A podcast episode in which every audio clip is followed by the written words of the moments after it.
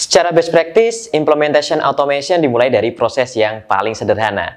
Namun seperti apa proses yang sederhana itu? Dan apa parameter yang bisa Anda gunakan untuk menentukan kompleksitas suatu proses untuk diotomatiskan?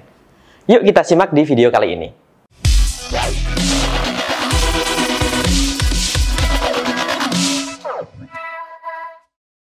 Setidaknya ada tiga parameter yang bisa Anda gunakan untuk menentukan kompleksitas suatu proses yaitu yang pertama input, kedua proses, dan ketiga IT environment.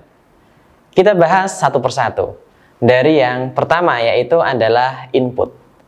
Hal ini terkait bagaimana input dari proses ini, standar atau tidak standar. Standar yang dimaksud adalah format inputnya jelas dan fix. Susunan dan posisi inputnya tetap. Misal sebuah invoice maka detail dari invoice tersebut seperti tanggal, nomor invoice, jumlah, dan sebagainya, susunan dan layoutnya itu fix jelas sehingga lebih mudah dibaca oleh bot. Berikutnya, masih mengenai input, apakah inputnya itu terstruktur? Input data yang terstruktur, misalnya suatu invoice, dalam bentuk format digital, tipe datanya jelas dan dengan mudah nantinya bisa diambil oleh bot ini untuk kebutuhan prosesnya. Atau justru input yang tidak terstruktur, misal dalam sebuah invoice bentuknya masih free text atau bahkan masih tulisan tangan yang ini harus di-scan menggunakan OCR agar mampu diproses oleh bot ini. Semakin inputnya mendekati hal yang standar dan terstruktur, maka proses ini menjadi semakin sederhana. Sementara, semakin tidak standar dan tidak terstruktur, maka proses ini menjadi semakin kompleks untuk diotomatiskan. Hal yang kedua adalah proses itu sendiri. Ini terkait bagaimana proses berjalan saat ini.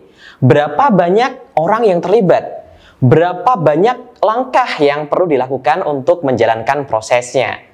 Berapa jumlah screen yang ada di dalam proses tersebut. Dan tentunya semakin banyak akan menambah kompleksitas dari proses ini.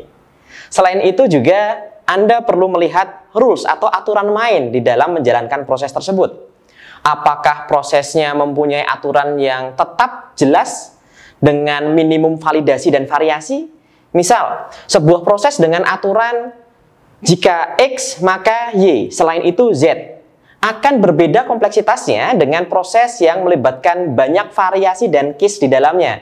Apalagi ketika ada sebuah percabangan yang perlu ditentukan atau diputuskan oleh manusia itu sendiri berdasarkan pengalamannya, berdasarkan kemampuan berpikir, dan berdasarkan faktor-faktor lain yang dimiliki oleh si manusia ini.